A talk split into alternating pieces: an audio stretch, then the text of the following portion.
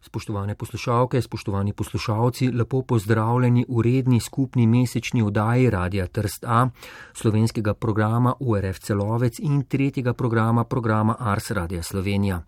Tokratna tema oddaje oziroma pogovora je slovenska književnost v Italiji in Avstriji. Tema je vznemirljiva in se kaže skozi več vidikov. Tako po eni strani ta književnost dobiva v zadnjih nekaj letih morda več pozornosti v Sloveniji, vsekakor pa v okolju, v katerem nastaja, kar sicer velja predvsem za Avstrijo.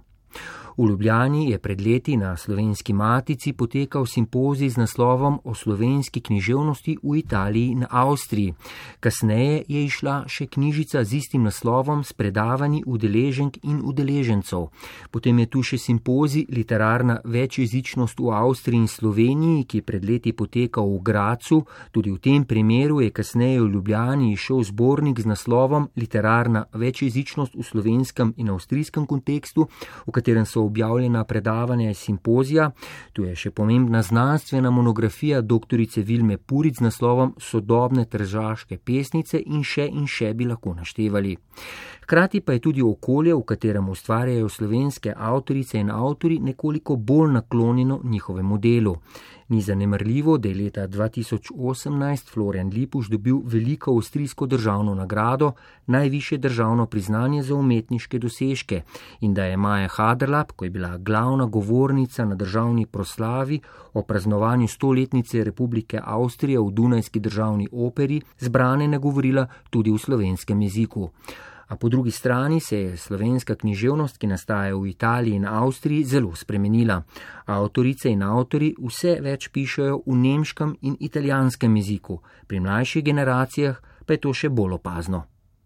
V pogovoru, ki bo sledil, bomo razmišljali, kaj pomeni večjezičnost in kakšne so značilnosti slovenskega literarnega jezika, ki nastaja v Italiji in Avstriji, katere so izstopajoče teme in kako je ta literatura dejansko sprejeta v Sloveniji.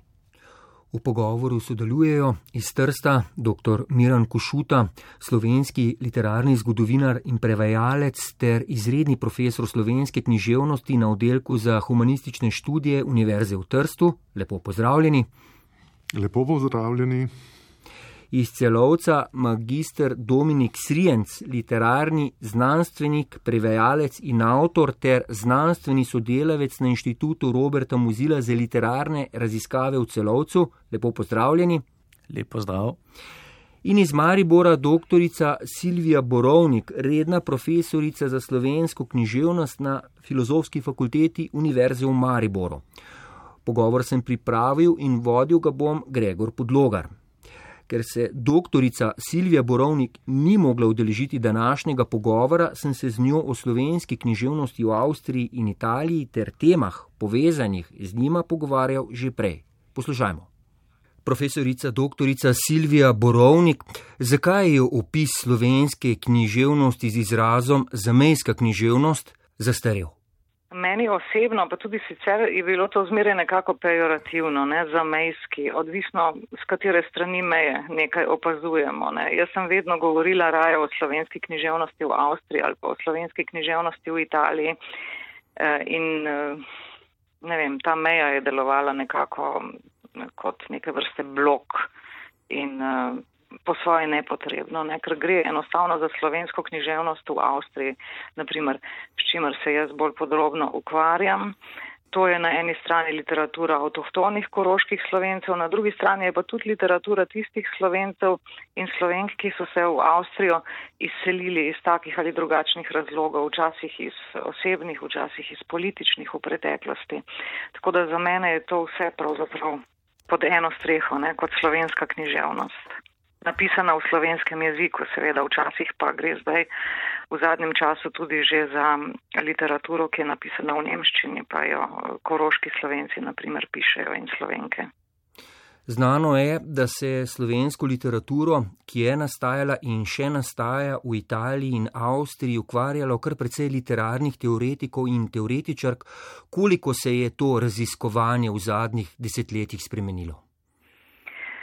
Mislim, da je obstajalo pravzaprav kar konstantno zanimanje za, naprimer, slovensko književnost v Avstriji. Ne? V preteklosti v okviru uh, slavistike, naprimer na Ljubljanski univerzi, uh, naprimer Franz Zadravec, Boris Paternu, Matjaš Kmecl, potem so prišle seveda druge generacije. Uh, V Avstriji prav tako na univerzah eh, v celovcu Gracu in na Dunaju obstaja kontinuirano sistematično spremljanje te literarne ustvarjalnosti pri nas v Sloveniji, naprimer jaz, ne, ki sem um, tudi predmet uh, slovenska književnost v Avstriji uvedla v uh, študijski program na filozofski fakulteti Univerze v Mariboru.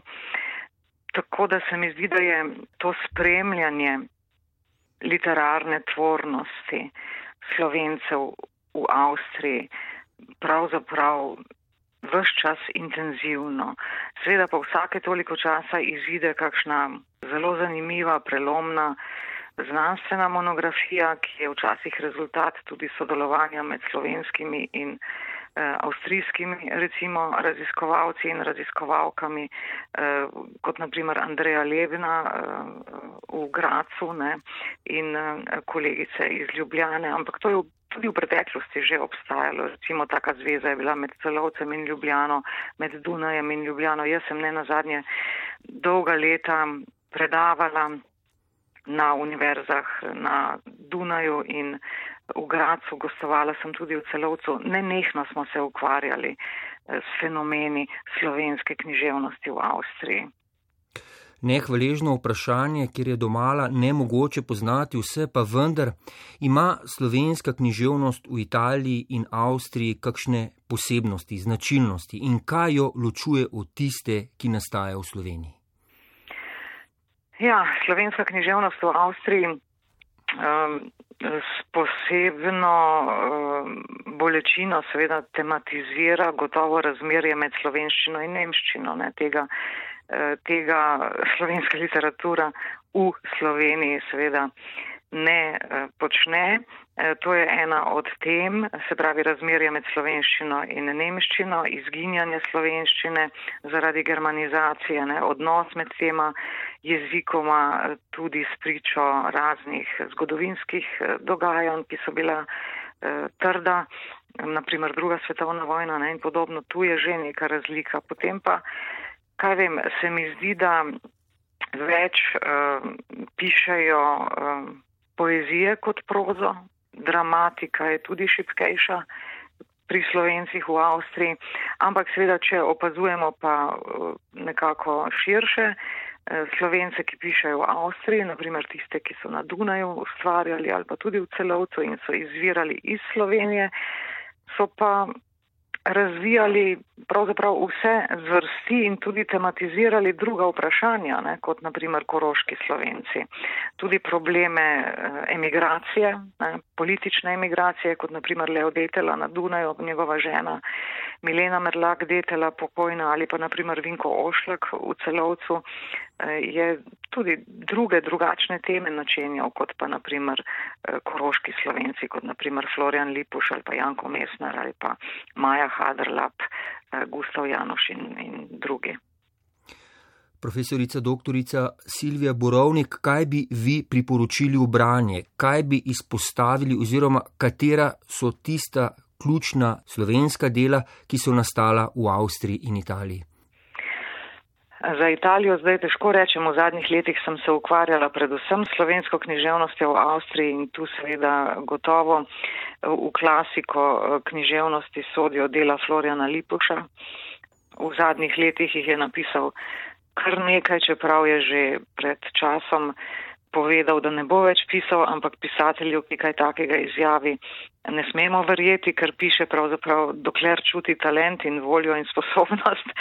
Tako da njegova dela gotovo, potem so tu pesmi in pa roman Maje Haderlap, ne, Angel pozabe, ampak tudi druge pesmi, poezija, potem je tu poezija prezgodaj preminulega Fabjana Hafnerja.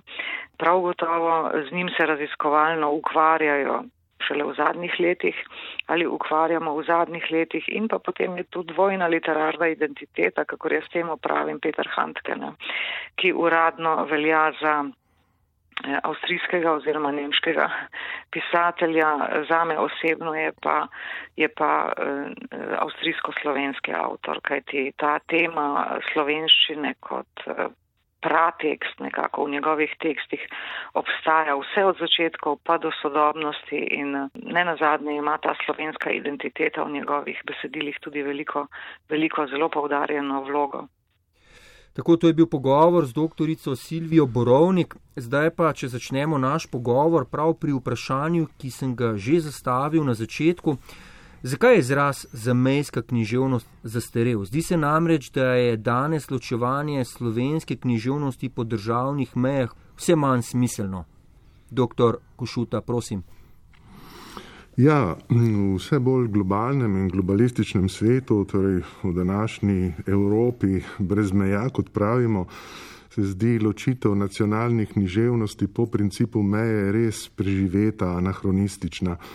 Poleg tega pa, če v slovenskem primeru govorimo o zamejski književnosti, potem implicitno osvajamo središčno ljubljansko zorišče, ki nacionalno književnost deli na osrednjo, seveda matično in potem na periferno, na obrobno, zamejsko. Takšno pojmovanje je danes v kričečem nesoglasju z upoštevanji policentrizma v sodobni slovenski literarni vedi in zgodovini, ki povsem enakopravno vključujeta v nacionalni literarni kontekst in kanon tudi izven državnih meja živeče slovenske avtorje.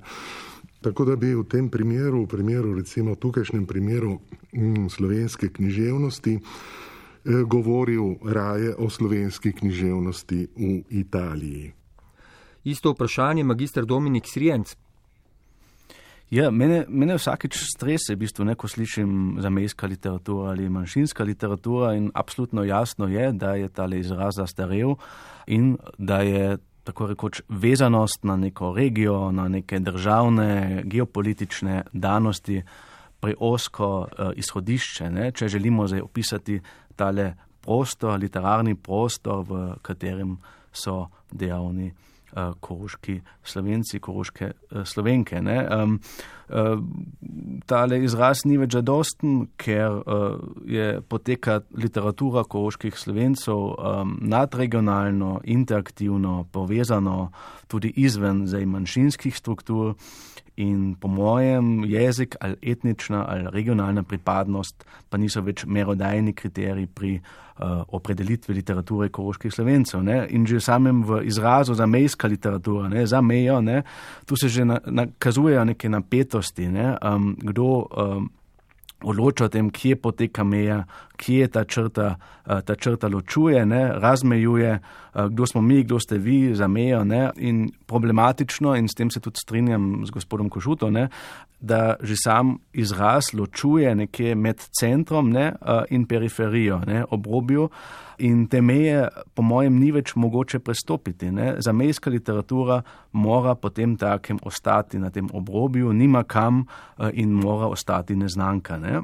Se pravi, že v pojmovanju samem se že odloča o tem prostoru, o prostoru, kjer je osredotočena literarna dejavnost. Ne? In tudi mora kam seže in kam ne seže uh, institucionalna, institucionalna moč uh, Ljubljane. Um, seveda imajo okoliščine tudi vpliv na to, kako deluješ kot avtor, kje imaš kontakte.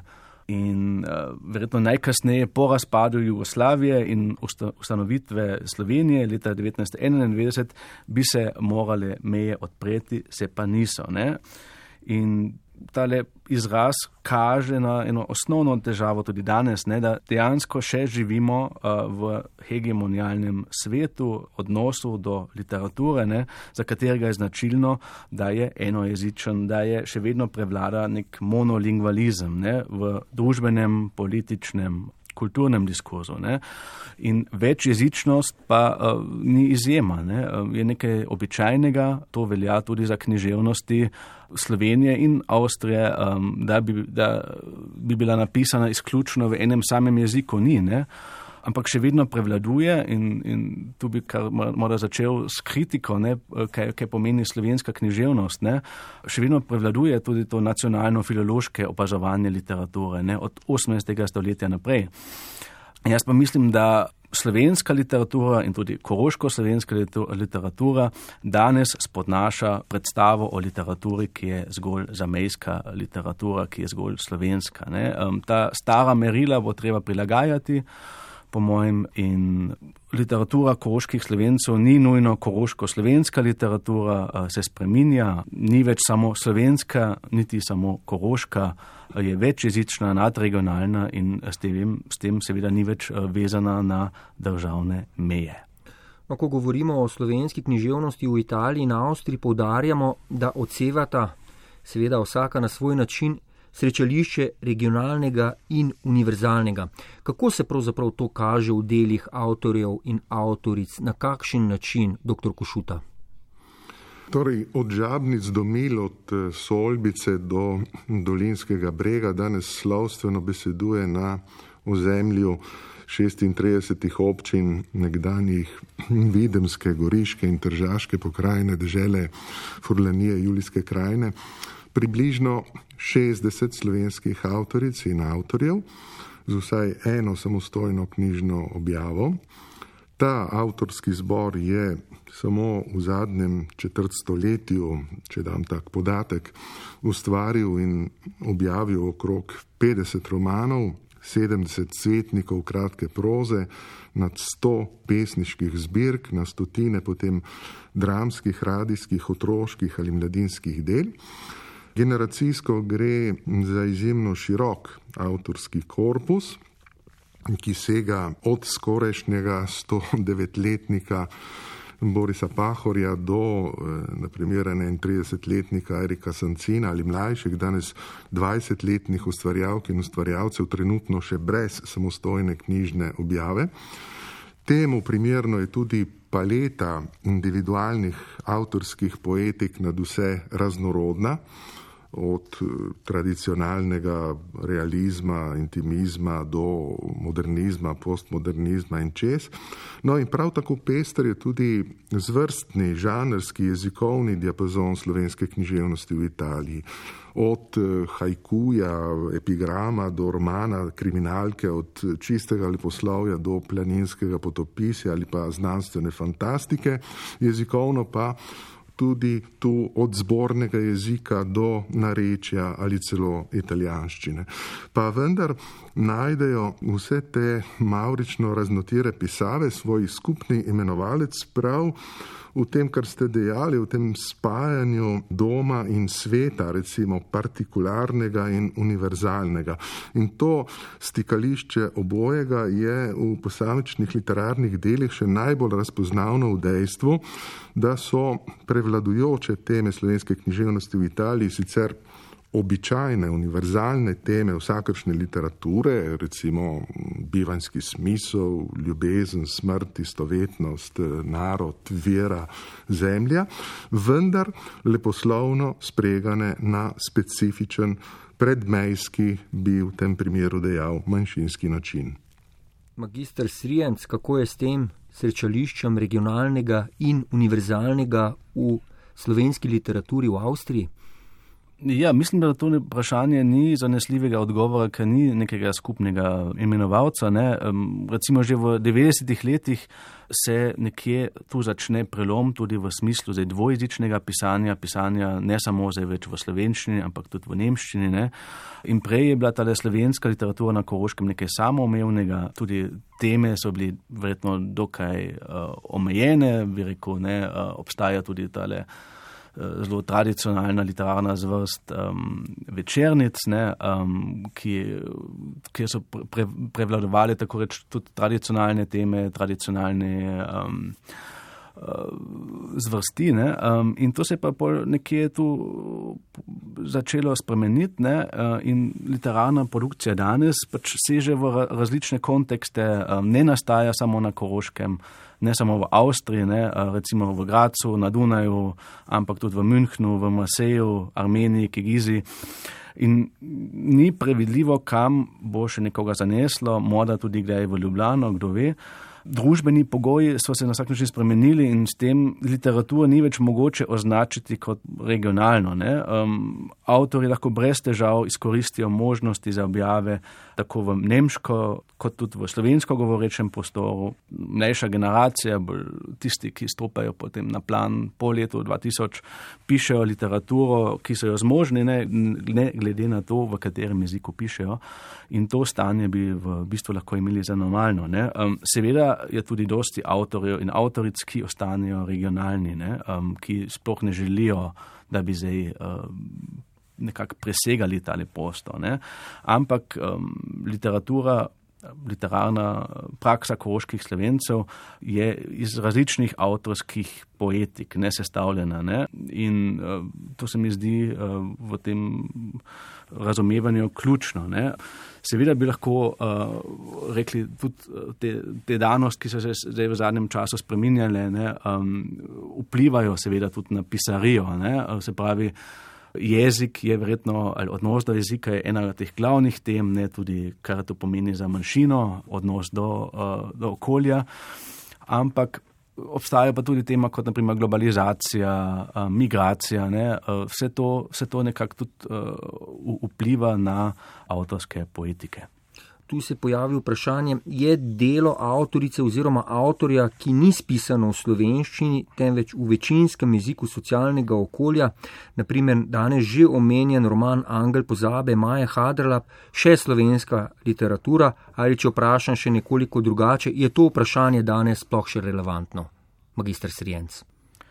Ja, kar se tiče reakcije ob izidu romana, um, tako na strani koroških slovencev, ne, manjšine same ali tudi avtori manjšine, kot na avstrijski strani in na strani slovenske javnosti, bi rekel, da ja, absolutno danes žal še absolutno relevantno in po mojem ga je treba znova in znova premlatiti. Ne. Kaže, da celotni sistem eh, še vedno meri eh, v to nacionalno, socialno, etnično, politično, tudi jezikovno homogen, homogenizacijo. Ne?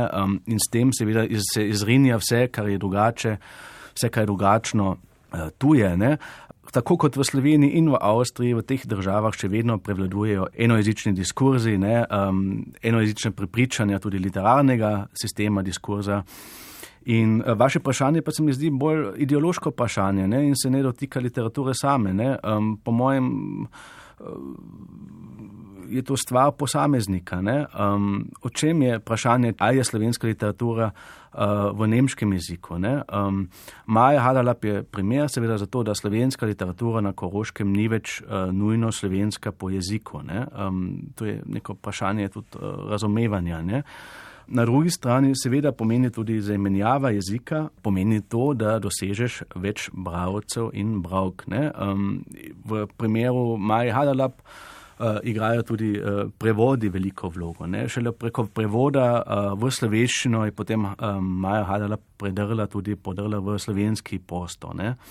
Isto pa velja tudi za Florina Lipuša, uh, ki je šele s Handkevim prevodom v, v nemščino. Um, postal znan tudi v Sloveniji. Ne, uh, ne samo znan, ampak verjetno en najbolj vidnih imen slovenske poze in znan pa tudi v nemško govorečem prostoru in v Franciji. Naprimer, Spravi, seveda to uh, uh, vpliva. Ne. Na drugi strani imamo pa seveda tudi pojav pri mlajši generaciji, uh, ki nastopa zdaj po letu 2000, uh, da se odpirajo novi konteksti. Um, so koroško-slovenski avtori, eh, niso samo koroški slovenci, naprimer eh, Aljaš Pestotnik ali Amina eh, Majetič, ki sta oba bila literarno socializirana na koroškem, v javnosti nastopajo, sta po mojem oba dva dorasla v jesenicah, ampak v javnosti nastopajo kot koroško-slovenski avtori. Ne? Sami pa nimajo zdaj povezav z manjšino. Ne? Ampak vprašanje, če je za literatura, ki ni spisana v slovenščini, temveč v večinskem jeziku socialnega okolja, še slovenska literatura, Naprimer, to se ne bi, ne bi nikoli upali zastaviti naprimer, ki, kot vemo, uh, ki je pisal tudi nekatere pesmi in nekatere pisma uh, uh, v uh, nemščini. Ne? Ali recimo, um, da bi zdaj kot, kot navedel kot primer, uh, tudi slovenska literatura. Uh, v Sloveniji se ne piše samo v slovenskem jeziku, če mislimo na Lidijo Dimkovsko ali na Eriko Johnson uh, Develjak. Ne? Ali uh, da bi še navedel en primer, naprimer Uroš Prah, um, slovenski pesnik, ki živi trenutno in ustvarja v Avstriji, koliko jaz vem, uh, je naprimer prijel uh, nagrado. Uh, avstrijsko nagrado za, za uh, eksil uh, literaturo z, z pesmijo, ki je napisal v nemščini. Ne? Se pravi, to, po mojem, eh, je bolj ideološko vprašanje, kot pa da vprašanje literature. Tudi pri avtoricah in avtorjih, ki živijo v Italiji in Avstriji in ustvarjajo v slovenskem jeziku, ima sam slovenski jezik v njihovem pisanju mnogokrat osrednje mesto. Naprimer, že pri pokojnem Alojzu Rebuli, na novo izumljen jezik pri Florenu Lipušu, ki mu pomeni izražanje identitete, ali pri Janju Osvaldu, ki je v svoji poeziji uporabljal več jezikov. S kakšnimi pristopi do slovenskega jezika se tu pravzaprav srečujemo, dr. Košuta? Ja, za razliko od eh, koroškega miljeja, kjer število v nemščini pišočih slovenskih avtorjev v zadnje čase narašča, in eh, teoretično je bilo treba tudi oblikovati nove modele in predloge, kot je recimo Lebnov predlog nad regionalnega prostora literarne interakcije v teoretičnem smislu. Je to vrstnih primerov pri nas v italijanskem predmejstvu sicer manj, zastavljajo pa literarni vedi in njeni še danes, kot smo slišali, zaznavni nacionalno-jezikovni monolitnosti dražljive, nove izzive. E, izvoljeno umetniško izrazilo slovenskih leposlovcev v Italiji je e, večinoma sicer zborna slovenščina, pa vendar premore e, ta avtorski sestav 60 sodobnih ustvarjalcev in ustvarjalk tudi nekaj delnih ali popolnih literarnih dvojezičnikov, Te dvojezičnike sem recimo v zborniku, ki ste ga prej omenili, literarna večjezičnost v slovenskem in avstrijskem kontekstu, kjer sem sodeloval, seveda uvrstil sam v svoj študij štiri osnovne kategorije. Pri nas imamo recimo avtorje, ki ustvarjajo izključno v italijanščini, Roman Firmani, Antonila Bukovac, Miha Obi, Tanja Zubin in tako naprej. Eh, avtorje, ki ustvarjajo v italijanščini, vendar lastno leposlovje občasno samo prevajajo v slovenščino. Liljana Vizintin, recimo Igor Gerdol, Klaudija Vončina. Imamo tudi avtorje, ki ustvarjajo v slovenščini, eh, vendar lastno leposlovje občasno samo prevajajo v italijanščino. Mm, tu so Eh, skoraj da angažirani vsi klasični avtori slovenske književnosti v Italiji, od eh, Miroslava Košute do Marka Kravosa ali Borisa Pangerca. In imamo seveda avtorje, ki ustvarjajo tako v italijanščini kot v slovenščini, kot eh, suvereni literarni dvojezičniki, denimo Ivan Tavčar ali pa Igor Pizon, novejša generacija ali pa Tatjana Rojc. No, čeprav nekateri literarni zgodovinari in kritiki absolutizirajo ta jezikovni princip, ko na podlagi zgolj jezika literarnega dela, kot smo slišali, določenega avtorja, prisojajo potem njegovo pripadnost tej ali oni nacionalni književnosti, bi po mojem s težavo trdili v našem primeru, da sta recimo beneška pesnika Miha Obit in Antonela Bukovac, ki ustvarja, tako sem dejal, pretežno v italijanščini zgolj italijanska avtorja. Ali da v italijanščini je napisana romana, recimo La Dama Bianca di Duino, Dušana Jelinčiča in La figlia che vorrei avere, eh, Tatjane Rojc, nimata nobenega stika s slovensko literaturo in kulturo. Tako kot bi na sosedovem italijanskem bregu s težavo trdili, da je recimo Fulvio Tomica ob eh, romanih, kot so eh, Mlado poročenca iz ulice Rossetti, Frančiška ali obiskovalka, izključno italijanski pisatelj. Magistr Srijenc, pomudimo se še malo pri vprašanju dvojne identitete, ki je bilo danes že izpostavljeno. Leta 2004 je Florian Lipuš prejel preširnovo nagrado, najviše priznanje za umetniške dosežke v Sloveniji. 14 let pozneje, leta 2018, je Florian Lipuš za svoj literarni opus, ki je v celoti napisan v slovenskem jeziku, dobil še veliko avstrijsko državno nagrado, najviše priznanje za umetniške dosežke v Republiki Avstriji. Kaj to pomeni za avtorja? In zagotovo je to, vsaj za nekatere slovenske avtorje v Avstriji, prednost, da so prepoznavni v obeh kulturnih okoljih. Seveda uh, pomeni to na eni strani veliki simbolni uh, kapital, ne, tudi prestiž, ne, recimo Florian Lipuš in Maja Halelaps, to, to sta verjetno ta dva primera, ki sta zdaj v zadnjih uh, desetletjih prejela največ nagrad in tako rekoč akumulirala največ tega simbolnega kapitala. Ne. Moram pa tudi dodati, ne, da um, ko ste menili, zdaj, da je Lipuš uh, napisal celotni literarni opus v slovenskem jeziku, uh, da, da je to že problematično, ker ni. Ne. Tudi pisal nekaj proznih del, v, uh, nekaj poskusov je v nemščini. Potem se je sam prevajal tudi, ne, nekatere eseje piše samo v nemščini. Ne. Se pravi, tu se že začenja tudi, po mojem, ta problematika, če, zač, za, če, če začnemo šteti zdaj uh, slovenščino v, uh, v nekem opusu ne, in jezik na površini. Ne. Eh, in tudi verjetno Florian Lipuš, uh, Florian Lipuša bi označil kot izjemno večjezičnega avtorja, ne? tudi v slovenščini, ne? z različnimi dialekti, z, z regional, regionalnimi besedami, besedotvorbami. Sociolekti naprej. Ne? Se pravi, tu se že začne, po mojem, ta problematika. Ne? Kar se pa tiče zdaj nagrad, ne? tudi to ni čisto neproblematično, ker za veliko avstrijsko nagrado za literaturo je bil leta 2017 nominiran, uh, je pa ni dobil, ker ne piše.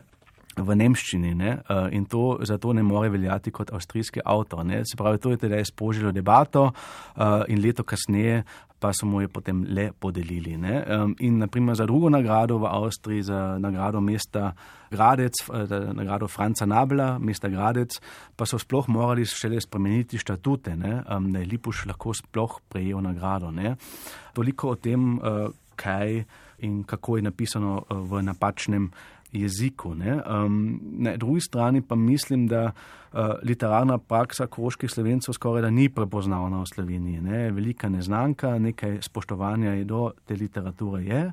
Um, samo redki so res prisotni v slovenskem literarnem sistemu, dobro recimo Florian uh, Lipuš in Cvetka Lipuš, ki uh, veljata še kot dva edina avtorja in um, ki izdajata knjige uh, v Sloveniji, ki nastopata v Sloveniji in ki sta uh, včasih povabljena tudi na kak intervju v neki reviji, uh, tega pa uh, ni veliko. Ali v zadnjem času bi tudi omenil Vincenza Gotarda, ki je bil z romanom na drugem koncu sveta nominiran za kresnika in je bil tudi v Peterici. Uh, ampak, če primerjamo to zdaj z avstrijskim kontekstom, je tu veliko več ne, in, in kaže, da ta literarna praksa koroških slovencev uh, uh, niha bolj v, v tale avstrijski uh, literarni kontekst. Ne, um, ne, bi, ne bi rekel, da, da so s tem tudi prepoznavni v dveh uh, kulturnih uh, okoljih, ne, ker uh, po mojem, da, da, da je s tem povezana tudi, da ustvarjata uh, na obrobju avstrijskega literarnega sistema in na uh, obrobju uh, slovenskega literarnega sistema. Skratka, uh, nekako v, v, v skrajni zamejski meji zamejstva, tako rekoč.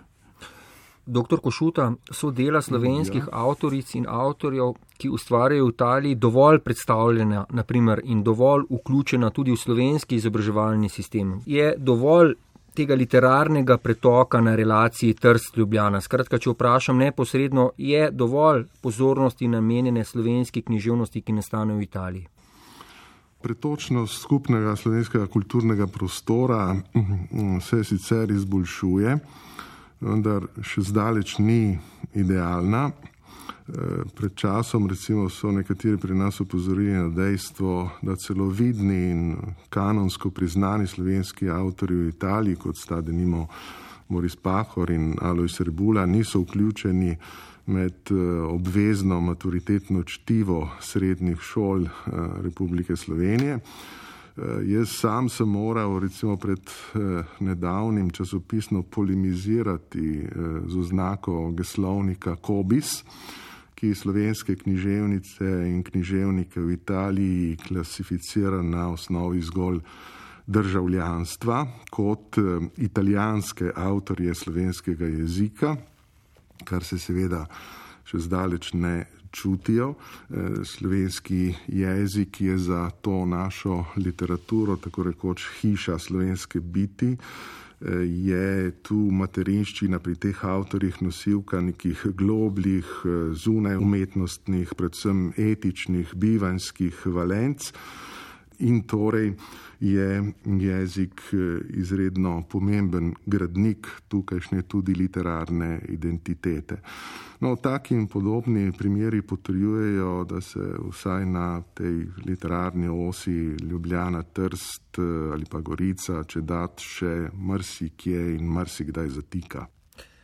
Magistr Dominik Srijenc, ali obstajajo kakršne koli skupne značilnosti slovenske literature, ki nastajajo v Avstriji, ali moramo pri tem bolj razmišljati o nekih avtorskih poetikah? Ja, meni se zdi to vprašanje, ne kdo piše, um, kaj piše, v katerem jeziku piše, ključno. Ne? In drugo vprašanje je, kako se avtori zdaj sami pozicionirajo. Um, kakšno je to razmerje do lastnega dela, do jezika do vprašanj eh, pripadnosti ali lastnih identitet, ne, eh, identitete tu v množini. Po mojem, ko govorimo o literaturi koroških slovencev in slovenk, je diskurs zelo raznolik, zelo heterogeno, um, ustvarjalci se ne dajo več jasno vrščati v eno ali drugo uh, z jezikom opredeljeno stvar. Um, vse podatke, tudi in uh, kako se lahko vse te debate um, uh, o rabi jezika, um, kako se lahko te debate obravnavajo na nek diskursivni način, uh, lahko najdete v, v, v naši monografiji um, Überregional mehrsprachig vernetzt, literatura Kärntner Slowenien im Wandel, uh, prevedeno uh, nadregionalna, večjezična, povezana literatura kroških slovenk in slovencev se spreminja. Tale monografija je rezultat večletnega raziskovalnega projekta. Meni se zdi tudi, če to vprašanje zanimivo povezano s prejšnjim um, vprašanjem, ne, um, če so uh, dela zdaj dovolj slovenskih avtoric, ki ustvarjajo v Avstriji, dovolj predstavljena. Uh, in že današnja diskuzija kaže, da uh, Lipuša. Se še Lip, Floriana Lipuša, Cvetko Lipuš, se, se, se, se pozna v Sloveniji, uh, Majo Halala, Fabian Hafna, uh, Jani Oswald, to so tale imena. Uh, Ampak, eh, če si gledamo, eh, da, da za mlajšo generacijo pisočih, ne, ki so vstopili zdaj po letu 2000, predvsem na plan, eh, pa po mojem ni nobenega znanja in tudi ni nobenega zanimanja ne, za dogajanje. Ne. To je zelo manj znano, zelo, to stane nekako manj znano področje. Ne. Um, če bi zdaj navedel imene, imena novejše generacije na področju proze, so to romani, naprimer Elene Mestna, kratke zgodbe Štefana Fejnika, Verene Gotthard, um, morda tudi roman Kristjana Močilnika, um, kratke zgodbe Sabine Buchwald, Martina Kuhlinga, uh, Jožeta Blejsa, Jozeja Štruca. Uh, na področju poezije so to Nikola Efendi, Reska Kancijan, Daniela Kocmut, uh, Štefan Fejnik, Aljaš Pestotnik tudi Verena Gotthard, Amina Majetič in tudi jaz. Ne. Se pravi, eh, to se mi zdi že ključno tudi, ne, da o teh novejših generacijah eh, ni eh, nobenega znanja ne, in tudi ni nobenega zanimanja. Smo pa že tako daleč k sreči, ne, da je tudi Maj, roman Maje Hadalab, Angel pozabe, medtem že na seznamu umetnostnih besedil za maturo v Sloveniji. Bistveno bi bilo po mojem, da, da, da se avtorje in avtorice te literature ne obravnava več kot zamejske, ampak eh, kot eh, neke vrste skupno, kot eh, del slovenskega skupnega prostora, ki ga dejansko ni. Um, in po mojem, da je celota vedno sestavljena iz posameznih delcev in to velja v veliki meri tudi za uh, slovensko literaturo. Doktor Košuta, isto vprašanje, ali obstajajo kakršne koli skupne značilnosti slovenske literature, ki nastajajo v Italiji?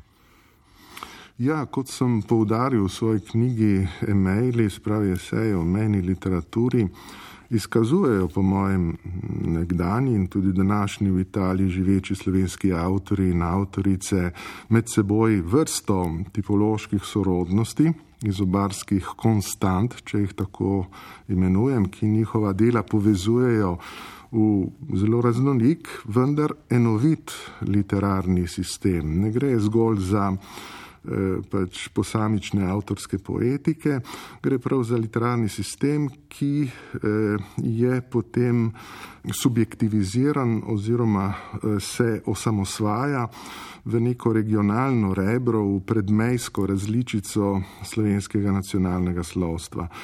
Konstitutivni prafaktori slovenske književnosti v Italiji so po mojem predvsem ontološka, etična, narodnostna, recimo prostorska in jezikovna zaznamovanost te literature. No, vsaka od teh eh, njenih univerzalno splošnih kategorij se potem v konkretno v tekstih, v pesmih, romanih, novelah, dramah teh avtorjev na to preoblikuje v specifičnejše tipološke značilnosti, v, po mojem, različevalne poteze predmejske književne duše. Te pa so denimo antinihilizem, humanizem, nacionalni aktivizem, relativizem, mediteranskost, multikulturnost, pa jezikovno rečeno besedogradništvo, se pravi neka potencirana skrb za slog, za stil in po drugi strani jezikovna zavrtost. E, socialno zvrstno pozna e, tukajšnje leposlovje tako zborno kot narečno različico. Eh, poetološko ga odlikuje ta bahtinovska poliloškost, recimo literarnih estetik, kot sem prej dejal. In tematsko je pa eh, najčešče upovedovana, bi rekel, dehumanizirana, problematična, asimilacijsko izpostavljena krajevna sedanjost brez bogov in idealov, v kateri včerajšnjo narodno obrambno angažiranost eh, pogosto nadomešča današnja resignacija v intimizem, v ironično deziluzijo. Iz te zverižene in objavske imanence se potem nekateri pisci rešujejo z vero, drugi pa z lajčnim sizifovstvom, tako starejši kot eh, mlajši. Obojem pa je skupno neko literarno zastrto hrepenenje po vrednotah eh, in po egzistencialnem smislu. Skratka, torej, če se že odgovorim na vaše vprašanje, eh, slovenska književnost v Italiji je po mojem ekovsko rečeno roža, ki ima svoje ime in svoj duh bližamo se koncu tega pogovora in za konec še nekako bolj osebno vprašanje. Nekaj ste sicer že omenili, pa vendar, katera sodobna slovenska literarna dela nastala v Italiji bi vi priporočili v branje dr. Miran Košuta? Eh, takole bom rekel, da bi brali, da bi le brali eh, sodobna slovenska literarna dela nastala v Italiji. To eh, bi bilo moje srčno priporočilo, ne glede pač na odbrano avtorico ali avtorja. In še vi, magistr Dominik Srijenc, vi ste sicer tudi že imenovali nekaj avtoric in avtorjev, pa vendar, katera sodobna slovenska literarna dela nastala v Avstriji, bi vi priporočili v branje? Nekaj je že omenila tudi gospa Borovnik, ne, uh, teh uh, bolj znanih avtorjev zdaj ne bi več uh, nujno omenil, ne, um, ampak recimo, zdaj, če vas zanima res literatura, ki je napisana v slovenskem jeziku, ne, um, potem bi bil to naprimer zdaj v zadnjem času roman Vincenza Gotthard na drugem koncu sveta, uh, tudi uh, potem pesniške zbirke, recimo uh, pesniška zbirka Štefana uh, Fejnika, ki um, 374, ne, um, ki ima za tematiko tudi, uh, bi rekel, prekarijat in današnje del, delovne, delovne razmere, ne. potem uh, verjetno tudi um, uh, bi omenil celo glasbo uh, Nikolaj Fendija, ki piše v slovenskem in angliškem jeziku, ne besedila, ampak tudi dramska besedila v nemškem jeziku in romane Elene Mesner, ki piše sicer romane v nemškem jeziku, ampak malo nekaj je tudi v uh, objavila že v slovenskem uh, jeziku. Ampak skratka, po mojem, nekega splošnega priporočila nimam. Sem mnenja, istega mnenja kot gospod Košuta, ne, da, da bi bilo enkrat sploh enkrat treba pogledati tudi dlje. In uh, mora tudi v kako knjigo, ki uh, je zdaj tu išla v sklopu literarne prakse koških slovencev in slovenk. Tako, to je bila skupna mesečna oddaja Radia Trst A, slovenskega programa ORF Celovec in tretjega programa, programa Ars Radia Slovenija, ki smo jo namenili slovenski književnosti v Italiji in Avstriji. V oddaji so sodelovali dr. Miran Košuta, magistr Dominik Srijenc in profesorica dr. Silvija Borovnik. Pogovor sem pripravil in vodil Gregor Podlogar. Hvala za vašo pozornost, pa lep pozdrav.